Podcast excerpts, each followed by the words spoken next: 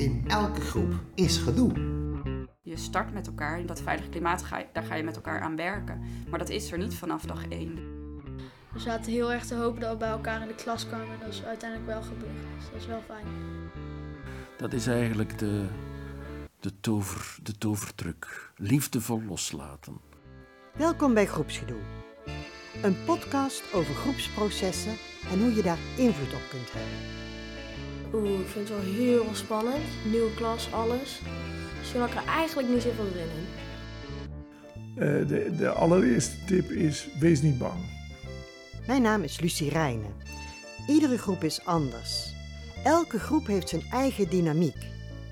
In verschillende gesprekken word ik verrast, leer ik nieuwe dingen en raak ik geïnspireerd voor de praktijk van iedere dag. Aflevering 1. Een nieuwe groep.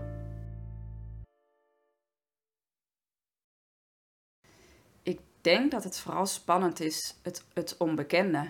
Dat je, ja, je hebt nog niet dat vertrouwen opgebouwd. Dus je gaat naar een groep toe, maar je weet eigenlijk nog helemaal niet wat de regels zijn in die groep. Wat er van je verwacht gaat worden in die groep. Welke positie of welke plek jij in die groep hebt, ja of nee. En al die, nou ja, al die onzekerheid, zeg maar, die zorgt, uh, ja, denk ik dat het spannend is voor kinderen om naar, om naar een nieuwe groep te gaan. En uh, een nieuwe groep heeft in de basis ook nog niet dat veilige klimaat je start met elkaar in dat veilige klimaat, ga je, daar ga je met elkaar aan werken. Maar dat is er niet vanaf dag één. Dus dat, ja, al die dingen samen maken, maken zo'n stap natuurlijk hartstikke spannend uh, voor kinderen. Dit was Marijke van de Zalm van de Stichting School en Veiligheid. Marcel van Erpen, dat is een leraar, een pedagoog en ook een veelgevraagd spreker, die heeft daar een aanvulling op. Ja, eerst misschien even, voor sommige kinderen is het natuurlijk helemaal niet spannend. En voor sommige kinderen is het wel spannend. Dus het is echt belangrijk om die twee dingen altijd tegelijk te zien. De juf die denkt, oh, ze vinden het allemaal spannend. Uh, die vindt het misschien zelf ook spannend, of vond het misschien zelf spannend. Uh, de docent of de leraar die denkt dat is helemaal niet zo spannend. Ach, het is vijf kilometer fietsen, maar daar hebben ze ook de leeftijd voor. Ja, die heeft misschien zelf dat duwtje in de rug gehad of dat vertrouwen gekregen. Dus daarvoor moet je uh, heel goed je eigen biografie kunnen doorgronden, uh, daarop kunnen reflecteren en onmiddellijk weten dat het bij iedereen anders ontwikkelt. Dus dat is het eerste. Het is belangrijk dat je ziet dat het voor sommigen spannend is, voor anderen niet. Ja, waarom is het spannend om als fenomeen om een nieuwe groep, een, nieuw, een, een, een, een, een nieuwe familie, een nieuw elftal in te stappen? Omdat je gewoon nog niet weet of jij daar geaccepteerd wordt zoals je dat hoopt, of zoals je dat gewend bent. Dat wordt vooral meegegeven met wat eigenlijk in de babyfase wordt ontwikkeld als het goed is. En dat is de mate van zelfvertrouwen die jij ontwikkelt omdat je vertrouwen krijgt van anderen. Dus kinderen die weinig vertrouwen hebben gekregen, dat kan natuurlijk al fataal beschadigd zijn in, in, de, in de wieg. Uh, ja, die hebben weinig zelfvertrouwen en die stappen niet zomaar onbevangen ergens in. Uh, ik ben zelf uh, met heel veel geluk een kind geweest dat van zijn ouders altijd te horen kreeg: ga maar doen, dat lukt wel. Ik zag tegen op dat ik een hele nieuwe klas had. Dat ik helemaal, ik was eigenlijk, ik kende maar drie kinderen, vier. En dat vond ik wel moeilijk, want ik was ineens in een hele nieuwe klas, een nieuwe omgeving, nieuwe school, nieuwe leraren. En ik vond dat wel heel moeilijk. Maar op een gegeven moment kwam ik in een klas en ik zag wel wat leuke hoofden. En uh, toen dacht ik van, ja, eigenlijk is het wel een gezellige klas. Maar daarvoor dacht ik wel echt van, oeh, ik vind het wel heel spannend. Nieuwe klas, alles. Toen had ik er eigenlijk niet zoveel zin in. Voor Nout naar de middelbare school ging, maakte hij zich dus vooral zorgen over zijn sociale contacten. Jelly Bijlsma, een orthopedagoog en opleider gespecialiseerd in groepsdynamische processen, die herkent deze angst. Wat ik zie gebeuren die verhalen hoor ik dan van leerkrachten van groep 8. Dat op het moment dat duidelijk wordt wie naar welke school gaat, dat kinderen zich gaan voorbereiden door ineens vriendschappen acuut stop te zetten, bij wijze van spreken. En zich te verbinden met de kinderen waarvan zij weten, die gaan naar dezelfde school. Dus dat vind ik ook fascinerend. Dat de kinderen dus, en, dan, en dat is echt pijnlijk. Dan hebben ze acht jaar lang soms met elkaar opgetrokken en dan ineens wordt dat verbroken. En niet, hè, niet door woorden, of, maar dan gaat een kind ineens linksaf in plaats van rechtsaf. Dus ik denk dat een kind dus al op, hè, heel vroeg op een of andere manier aan het voorbereiden is. En hoe? Door dus weer de verbinding te maken met degene waarvan je denkt, oké, wij gaan samen. Nou, dan ga ik dus nu verder met jou. Het zal niet onbewust zijn, maar het is wel wat gebeurd.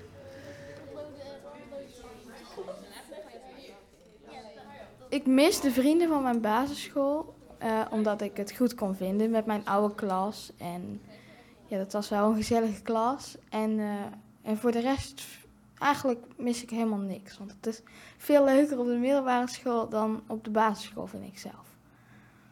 Uh, de grootste verandering is denk ik hetgeen dat je van klas naar klas moet gaan. En dat je wel een iets grotere klas hebt dan op je basisschool. En dat je iedere dag andere leraren hebt. En dat je een zware tas mee moet sjouwen. En je hebt kluisjes. En je hebt langere pauzes. En je hebt kantines. En dat soort dingen. Sommige mensen zijn zeg maar niet jouw type waar je het snelst mee om zou gaan. Dus dat maakt het sowieso wel spannend. En als je heel snel verlegen bent, dan is het sowieso al heel spannend. Dus daarom probeer ik altijd mensen erbij te betrekken en mezelf gewoon in groepjes proberen te mengen, zodat ik gewoon vrienden heb waar ik op kan rekenen. Isa heeft inmiddels haar plekje gevonden op de nieuwe school. En dat geldt ook voor Nini. Nou, ik zat wel op tegen het huiswerk. Want ik dacht echt, we krijgen echt bakken met huiswerk. Dat ik gewoon helemaal niks meer kon doen. Ik denk dat je niet alleen in de pauzes wil zitten. En bijvoorbeeld dat je niet alleen zo, weet je, als brugpieper met je telefoontje gaat zoeken welk lokaal. Ja, ik, ik dacht ook zelf van, uh, ja, nou ben ik een brugpieper. Straks loop ik in de weg voor al die vierdejaars. Dat had ik wel, maar gelukkig uh, is, dat, is helemaal niet gebeurd. Je, je gaat van een, uh, van een waarschijnlijk, niet voor iedereen, een veilige situatie, naar een situatie, ik noem hem niet onveilig, maar wel waarin je een hele hoop dingen nog niet weet. En dan kom je ook weer met de vraag van, hoor ik erbij? Dat, dat, dat is denk ik een hele wezenlijke vraag voor die kinderen die nu voor het eerst uh, hier op school komen. En ja, de een gaat daar heel makkelijk mee om. Die, die vindt het heel tof om uh, nieuwe gezichten te leren kennen en nieuwe docenten en een nieuwe school. Een groot feest. En de ander is, is, is, vindt dat hartstikke spannend. Ja, daarom kan ik me nu ook wel heel goed in die leerlingen van mijn mentorklas verplaatsen. En hou ik ze goed in de gaten wat dat betreft. Ja, want je ziet het wel aan ze. Je hoorde Teun Snels, een van mijn directe collega's op Toecollege Jozef Mavo. Hij is daar gymleraar en al jarenlang leerlingencoach. Koosje de Vries is omgangskundige en leraaropleider. School is nieuw, het systeem is nieuw, um, lesrooster, boekentassen, spullen. Maar vooral de andere mensen die in de klas zitten zijn nieuw, die ken je nog niet. Dus dat, dat is eng. Totdat je een beetje weet hoe iedereen reageert en hoe iedereen is. En nou heeft hij wel een grote mond, maar bij die andere leraar kan hij wel, uh, durft hij niks te zeggen. Of nou ja, alle verrassende dingen die je, die gaat zien. Of nu ben ik haar beste vriendinnetje en oh nou, twee weken geleden zag ze me niet staan. Waar kan je dan ook op vertrouwen? Ik hoop in elk geval op degene die voor de klas staat. Dat die zorgt voor een veilig leerklimaat. In groep 8 had ik, had ik een docent en dat was wel was een hele leuke docent. En dan, dan hecht je daar zeg maar wel een beetje aan. En dan, nu heb je telkens een andere. Nou ja, je, je moet uh, die versie van jezelf weer gaan vinden die past bij die groep. Dus dat, uh, en nu is alles nieuw. Hè? Uh, nieuwe school uh, naartoe fietsen, uh, andere vakken. Allemaal die, die dingetjes. Dus um, de versie van jezelf die, die is door zoveel factoren veranderd. Dat dat uh, best ingewikkeld is. Um, en dat, ik denk dat dat de, de grootste spanning oplevert. En kinderen voelen vaak weer van, oh, vind ik de weg al in de school? Maar dat is niet de spanning. Dat, dat is alleen wat ze kunnen beschrijven, omdat dat, dat, dat, is, dat is tastbaar. En de rest, het is gevoel en emotie. En dus ontdekken, dus opnieuw, uh, de, wie ben ik? Ontdekken. En vooral, uh, wat wil ik dat ze van mij zien? En iedereen moet een rol hebben in de groep. En je moet een rol vinden die bij je past. En ik denk dat dat het spannendste is. En het, het moeilijkste ook. Ja, ik vond het niet echt spannend. Maar wat spannend zou kunnen zijn dat je gewoon zou denken van... Um, dat, het niet leuk is. Ja, dat, het wel, dat je bang bent dat je niet leuk wordt gevonden of zo. Dat je... Ja, dat je er weer niet bij hoort of zo. Dat je dan kan denken... Maar ik denk dat het bij onze klas wel uh, heel erg tegenvalt, heel erg meevalt. Giel voelt zich zo te horen helemaal thuis bij ons op school in de brugklas. Jode ook Mark Sanders. En Mark is biologieleraar, mentor, leerlingencoach en ook een van mijn directe collega's. Maya Bakker trekt het iets breder dan alleen de brugklas. In feite is iedere groep die even uit elkaar geweest is, een nieuwe groep. Maya is van training en adviesbureau Salto. Ze heeft zich al jarenlang verdiept in positieve groepsvorming en in mentoraat. Ze schreef hierover ook boeken samen met Ivo Meiland. In een nieuwe groep, zo zegt Maya, zoeken mensen naar houvast dat maakte ook dat die, die, die, ook die ouders uh, altijd heel belangrijk vinden dat vriendje of vriendinnetje in dezelfde klas zit. Of buurmeisje, dat, dat bekende, dat dat uh, houvast is. Um, dat zie je dus ook op het moment dat bijvoorbeeld, uh, ik noem maar even wat, bij HAVO, vanaf de vierde klas, dan denk je van nou, vierde klassers, 16. Maar die worden ook gehusteld, omdat ze natuurlijk andere profielen kiezen. Vinden ze ook reuze spannend. Um, en wat een misvatting is, is dat, uh, dat maken we heel vaak mee, dat een klas blijft 100% hetzelfde. Dus een tweede klas wordt derde klas en eh, stel er valt niemand af en er komt niemand bij, dan denkt zo'n zo'n leerkracht aan het begin van het schooljaar, nou, die kennen elkaar al, hè, dus even leuk vertellen over de vakantie en dan gaan we dus uh, gauw beginnen. En dat is dus een misvatting. Want op het moment dat de de groep uit elkaar is geweest, uh, zie je dat het groepsproces weer verstoord is. En dat is natuurlijk anders dan bij hele nieuwe groepen, maar in essentie is het wel hetzelfde. Want uh, ook als je elkaar al kent, na zo'n break van zes weken, dan is toch meteen de blik op de ander van heb ik de goede schoenen gekocht? zit mijn haar wel goed? Ehm, ehm, wie zijn er vriendschappen ontstaan in vakantie? Hè? Bijvoorbeeld via online contacten waar ik niet van weet. Dus er wordt eigenlijk meteen gezocht uh, naar veiligheid. Een gevoel van veiligheid begint te ontstaan op het moment dat er wat meer duidelijkheid komt, wanneer leerlingen een beetje weten wat ze kunnen verwachten. En heel belangrijk dat ze zich gezien en gehoord voelen. Een nieuwe groep wordt meestal niet vanzelf een veilige, fijne groep. Zeker in het begin van het schooljaar is het nodig dat het proces van groepsvorming goed begeleid wordt. Freek de Jonge is een cabaretier die voor mij altijd een beetje een schoolmeester geweest is.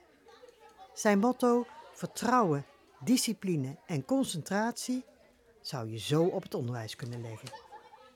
Freek zal in meerdere afleveringen te horen zijn, maar voor deze aflevering sprak ik met Freek over nieuwe groepen en hoe je die het best kunt begeleiden. En of hij tips had. Ja, nou ja, tips. Uh, de, de allereerste tip is: wees niet bang. Wees niet bang, je mag opnieuw beginnen. vastberaden, doelgericht of aarzelend op de tast.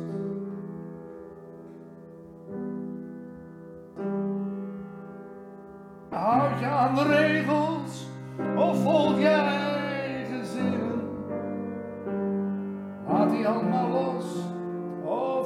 juist een vast. Wees niet bang voor al de grote dromen. Ga als je het zeker weet en als je aarzelt wacht. Hoe ijdel zijn de dingen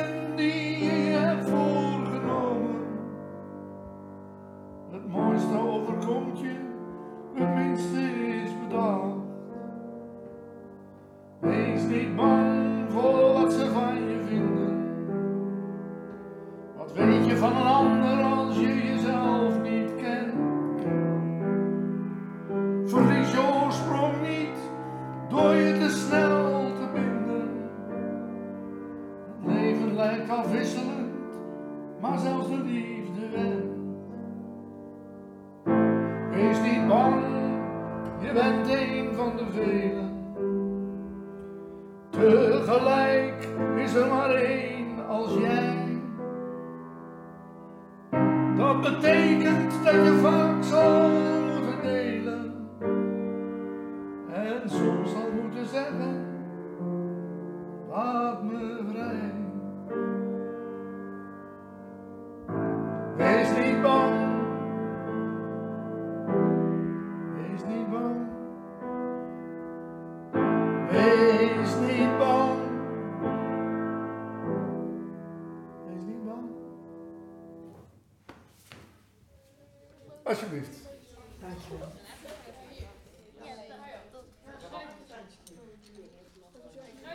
heel vaak zijn het de angsten van ouders en leerkrachten die kinderen onzeker maken. Dat is heel paradoxaal. Hè?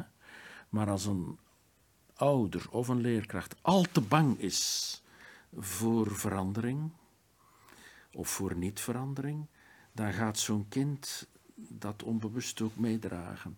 Dus eh, de tip is om toch ook wel ruimte te laten. En voor kinderen is de tip om ruimte te kunnen eh, nemen. Hè? Ook, en een beetje experimenteren. En de, de, de, heel belangrijk vind ik de toelating binnen bepaalde grenzen hoor, maar de toelating om te mislukken. Hè? Dat kinderen ergens, ja, ergens een beetje in een verkeerde situatie terechtkomen, dat we zeggen van oei, dat was nu niet verstandig. Maar het geeft niet. Ik zie u graag en kom maar af. En dat was inderdaad, dat was nu toch echt geen goed idee eigenlijk zo. We gaan eens een keer zien hoe dat, dat zo gekomen is. In plaats van te zeggen verschrikkelijk en nooit meer afschuwelijk en dat wil ik niet meer zien. Dus Probeer toch begrip te hebben voor mislukkingen en vergissingen. Ja, het is echt waar, zo, zo meen ik dat. Ik denk kinderen opvoeden, in het onderwijs, maar vooral bij ouders, hè, dat is hen laten zoeken, een zekere vrijheid geven binnen de liefdevolle verbinding, liefdevol loslaten.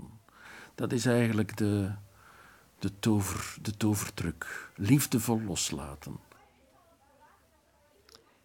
In de komende afleveringen zal Dirk de Wachter vaker terugkomen. Hij is systemisch psychotherapeut, psychiater en docent aan de Universiteit van Leuven. Hij is een inspirerend spreker en schrijver van onder andere het boek De kunst van het ongelukkig zijn.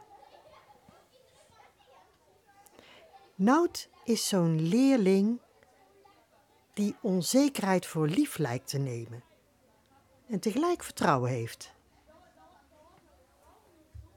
Wat ik zou zeggen, maak je vooral niet druk. Als je op de basisschool, je kan de meeste kinderen hebben op de basisschool een vriendengroep. Als je gewoon één vriend mee hebt op je basisschool of je kent iemand, dan komt het altijd wel goed. Ook ben je alleen komt het wel goed. Want je vindt altijd wel iemand die, waar je mee om kan gaan. Zoals in de klas staat ook een paar kinderen die helemaal alleen niet naartoe zijn. Die hebben nu een hele goede vriendengroep. Het is allemaal leuk met z'n allen. Dus dat komt altijd wel goed. Als er een klimaat leeft van we zien elkaar graag, we zijn verbonden, iedereen mag zichzelf zijn, ja, dan weet je dat je op je gemak, dat je mag jezelf uiten. Maar het hangt, het hangt ook af van jezelf. Als je, je voelt je op je gemak, omdat je je ook zo instelt. Als je van alles achterhoudt, als je schrik hebt om iets te uiten, ja, dan werk je misschien mee aan een klimaat die uh, voor een stuk afstandelijk is of onveilig is. Dus het ligt ook altijd in je eigen keuze om je op je gemak te voelen. Doe, wees jezelf. Het is altijd relationeel. Je bent, uh, de groep is een gegeven, maar je hebt zelf ook sturing. Zelfregie, zelfsturing. Er wordt heel vaak gezegd, ja, die groep is onveilig, ik voel mij hier niet op mijn gemak. Maar je bent deel van die onveiligheid. Dus het is iets dat we kunnen veranderen, dat we kunnen aan meewerken. Rudy van Damme geeft mij hiermee een nieuwe invalshoek wanneer het gaat om het kijken naar nieuwe groepen. Veiligheid en onveiligheid is dus een relationeel gegeven. Als lid van een groep neem je je eigen onzekerheid, afstandelijkheid of wantrouwen mee de groep in. En daarmee beïnvloed je het klimaat in de groep. Rudy van Damme is trainer, coach, ontwikkelaar van methodieken. Hij is psycholoog, antropoloog, filosoof, NLP-trainer en publiceert regelmatig boeken Meestal gaan die over communicatie en leiderschap.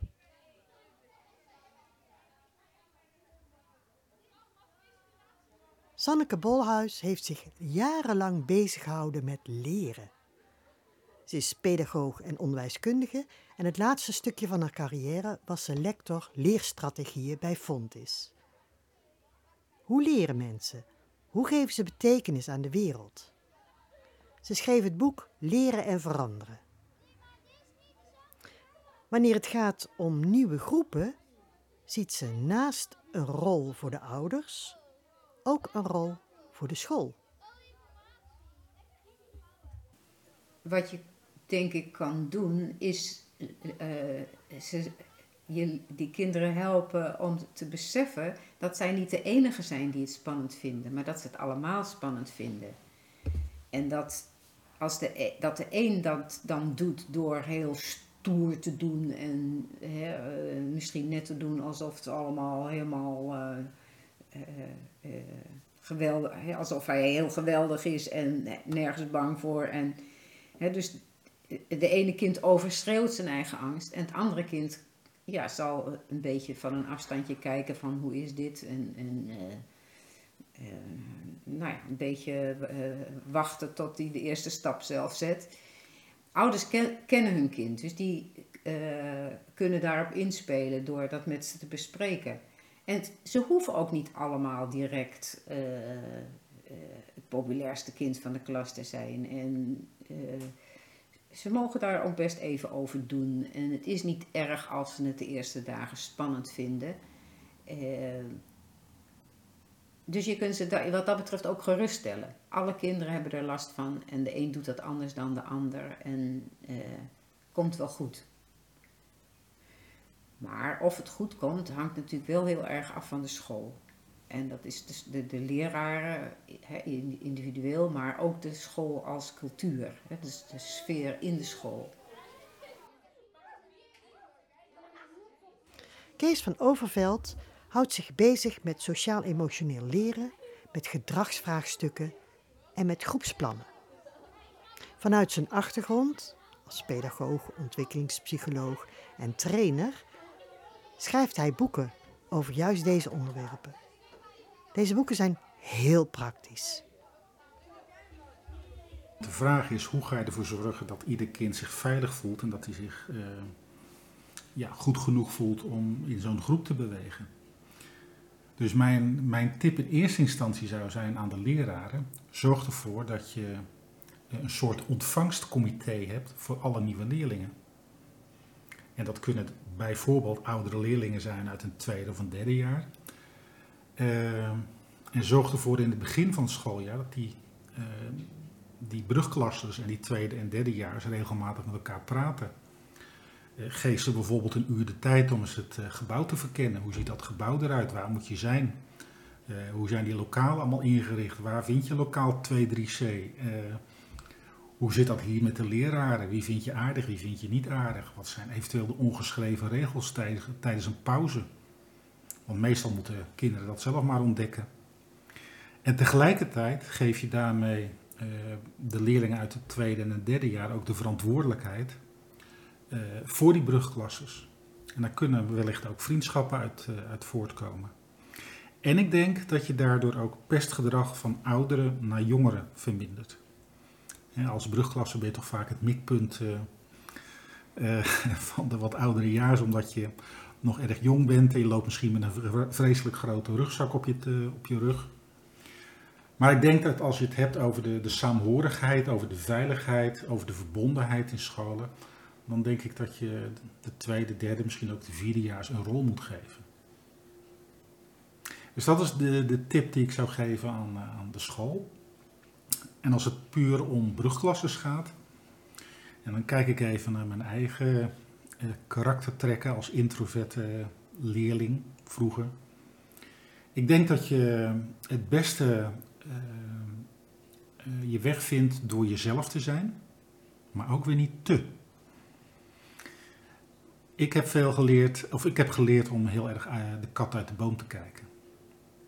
Zeker in, uh, in nieuwe situaties, nieuwe groepen. Je bent aanwezig, je bent vrolijk, je kan communiceren met anderen, maar treed niet te veel op de voorgrond. Dat zou mijn tip zijn. En dat betekent dat sommige, sommige kinderen wat gas moeten terugnemen, de meer extraverte types. Ja, en als je al vanzelf introvert bent, dan uh, hoef je niet zoveel anders te doen. en ja, als je ervan uitgaat dat je die groep maar één keer uh, kunt kneden tot een, uh, een, veilige groep, dan ligt juist aan het begin van je schooljaar, voor de herfstvakantie, het zwaartepunt. Daar moet het gebeuren, daar moet je van die klas een groep maken. Marja Bakker heeft hiervoor praktische handvaten. Twee dingen, twee soorten oefeningen. En de, ik, ik, noem het een spoorlijn. Uh, uh, die rails wordt bij elkaar gehouden hè, door Bielsen. En uh, als een van die twee rails er niet zijn, dan kom je nergens. Hè? Dus om het doel te halen, zul je als leerkracht eigenlijk alle twee die soorten oefeningen af en toe moeten doen. En ik zeg ook echt af en toe. Het is echt niet dat je iedere dag daar druk mee bezig bent. En de ene spoorlijn is dat je organiseert dat kinderen elkaar in één, tweetallen een, uh, een, een, vraag uh, aan elkaar mogen stellen. Altijd onder jouw regie. Waarbij ze iets van zichzelf kunnen laten zien. En dat is na de vakantie. Wat heb je in de vakantie gedaan? Uh, we hebben een hele leuke oefening van vertel drie dingen over jezelf. En eentje is er niet waar. En als docent doe je dat dan even voor. Hè? En raad dan wat niet waar is. En het leuke daarvan is, dan zijn er twee wel waar. En heel vaak moet je dan uh, als leerlingen dat, hè, moeten ze om de, om de beurt doen, in groepjes van drie. En dan moet je altijd zeggen, zijn jullie klaar? Want het valt nooit stil. Want iemand heeft bijvoorbeeld verteld, mijn hond heeft net gejongd, we hebben zes jonkies. Of ik zit in een hoge voetbalelftal. Er is altijd iets waar ze dan over door willen praten met elkaar. En dan zie, dan zie je dus even iets van de achterkant. Zoals ik ook vind dat um, een goede docent uh, ook wel eens een stukje van zichzelf laat zien. Want je vraagt iets van leerlingen, dan zul je ook je menselijke kant moeten laten zien. Dus één poot is op het microniveau, in tweetallen. Uh, nog een ander voorbeeld uh, uh, wat ik vaak gebruik is mijn sleutelbos praat. Nou, dat deed ik dat voor en pakte ik mijn sleutelbos. Zeg ik, ik heb nou de keuze om iets over mezelf te vertellen. En kan de sleutel pakken van mijn nieuwe schuurtje. Maar ik kan ook, hè, zit een Christoffel uh, ook aan mijn sleutelbos. Ik kan ook iets vertellen dat ik die van mijn moeder heb gehad. En dat die daardoor zo waardevol is. En nou, bla bla bla. Kan ik iets meer over mijn moeder vertellen. Dan laat ik iets meer van mezelf zien. Maar ik ben altijd zelf de baas over wat ik vertel. He, dus bij die vorige oefening waren niet waar, bij deze oefening ook. Dus je bent altijd zelf de baas, want dat moet je taxeren van hoe veilig voel ik me en wat geef ik. Nou, dat is dus die micro-oefeningen. En dat moet je steeds wisselen. Dus dat je zorgt dat alle kinderen van tijd tot tijd elkaar ontmoeten. En de andere eh, lijn van het spoor is dat je overal eh, de klas dingen doet. Dus bijvoorbeeld een, eh, een bingo, waarbij ze elkaar moeten bevragen. we hebben een oefening van zoek naar overeenkomsten. Dus je hebt een lijst en kruis een aantal eigenschappen aan. En dan ga op zoek naar uh, uh, klasgenoten die diezelfde eigenschappen ook hebben. En wissel even uit uh, wat je daarover kunt vertellen. Dus dat doe je over de hele groep. Er zijn talloze leuke oefeningen te vinden. En um, docenten zeggen: Oh, ik heb zoiets leuks gedaan. En dan vertellen ze inderdaad een leuke oefening. Maar dan denk ik: Waarom doe je die oefening? Doe je hem omdat je hem leuk vindt? Wat doet de oefening in het groepsproces? Louis Kaufman is klinisch psycholoog, psychotherapeut en daarnaast bedrijfseconoom. Hij heeft decennia lang ervaring met de methodiek van het oplossingsgericht werken. In zijn instituut kun je hiervoor verschillende opleidingen volgen. Over oplossingsgericht werken, de methodiek, heeft hij verschillende boeken uitgebracht. Ook een aantal specifiek gericht op het onderwijs. Maya gebruikt de spoorlijn als metafoor. Louis Kaufman heeft het over een auto.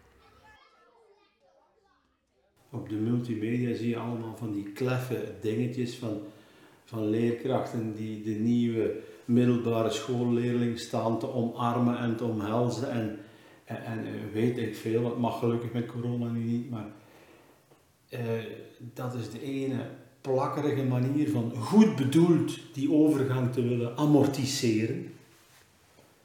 Uh, de andere kant is gewoon dat men doet alsof er niks aan de hand is. Ik denk dat slimme leerkrachten, goede scholen, beseffen dat kinderen in een andere manier, in een andere auto stappen, ene die veel sneller gaat, die kortere reactietijd vergt, die meer pk's vergt, in een ander landschap, waar dat de heuvels en de dalen hoger en ook dieper zijn. En met andere automobilisten op de baan, die ook allemaal nog moeten leren rijden. Met hun uh, aanstaande hormonale ontwikkeling. En dus leren jong mens te zijn. Ja.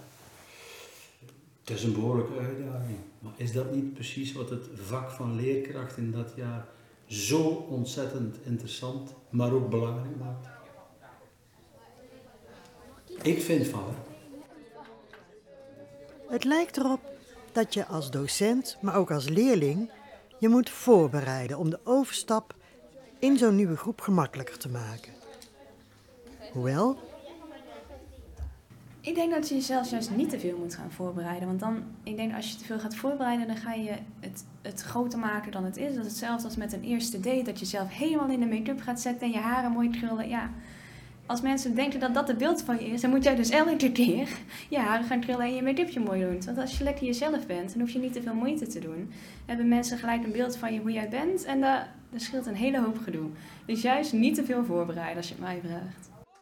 Dat was Jamie Dame, een startende docent bij ons op school die zich vol enthousiasme op het mentoraat van een tweede klas heeft gestort. Tja, niet voorbereiden, wel voorbereiden? Werken met groepen blijft een uitdaging. Deze aflevering ging over nieuwe groepen, hoe je het beste een nieuwe groep kunt begeleiden, omdat een nieuwe groep spannend is voor zowel de leerlingen als de docenten. En spannend kan leuk spannend zijn of eng spannend. Over het geheel genomen lijkt dat inzetten op met elkaar kennis maken en duidelijkheid scheppen, dat dat rust geeft. Daarnaast is het belangrijk om te beseffen dat iedere nieuwe groep weer anders is en iets anders nodig kan hebben. Daarbij moet je als docent vertrouwen op je intuïtie. De volgende aflevering gaat over erbij horen.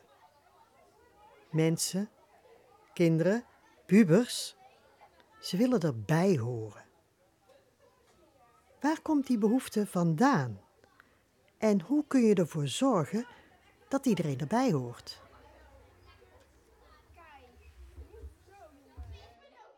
Je moet gewoon vragen, mag ik mee met jullie dit doen? Zullen we dat doen?